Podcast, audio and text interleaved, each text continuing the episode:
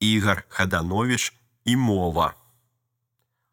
Большасць людзей у маім мінскім пад'ездзе размаўлялі па-беларуску. Некаму гэта падасца неверагодным, але ж побач з нашай сям'ёй жыла сям'я Владимира Караткевіча і сям'я Язэпа Пушчы, сям'я Мехася Стральцова і сям'я Алеся Махнача. Жылі ў нашым пад'ездзе Іван Пташнікаў і Авер'ян Дзеружынскі.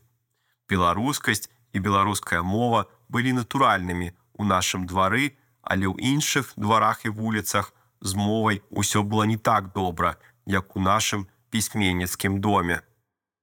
Кепска было з мовай у школе, і бацькі мянялі нам настаўнікаў.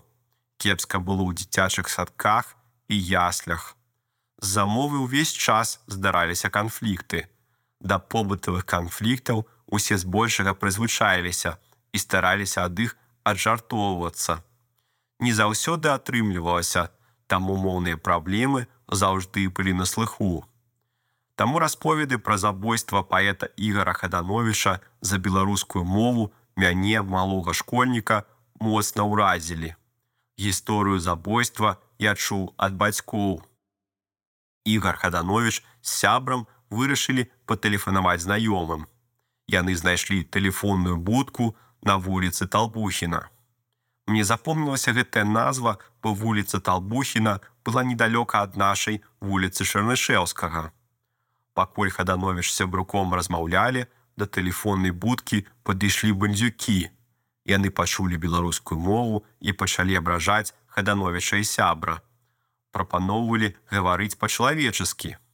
Ушчалася бойка. Сябра хадановіча страціў прытомнасць. Ігар прывёў прынёс збітага таварыша ў першую бальніцу, што на праспекце каля акадэміі навук. Калі медсёстры пачалі агляд збітага, у кабінет зайшоў доктар і, пабачыўшы Ігара Хадановіча, які сядзеў у крэсле, закрычаў: « Не таго ратуеце! Крык доктара Ігар Хаданович ужо не чуў. Я ніколі не пераправяраў дэталі гэтай, пачутай у далёкім дзяцінстве трагічнай гісторыі. Мне было дастаткова, што ведаў, за беларускую мову на мінскай вуліцы могуць забіць. Таму, калі ты карыстаешься роднай мовай, трэба быць заўжды на пагатове, бо рускамоўныя бандыты могуць забіць, як яны забілі за беларускае слово Ігора Хадановича. Адам Глобус 62 гады, пісьменнік мастак. Чытаў від.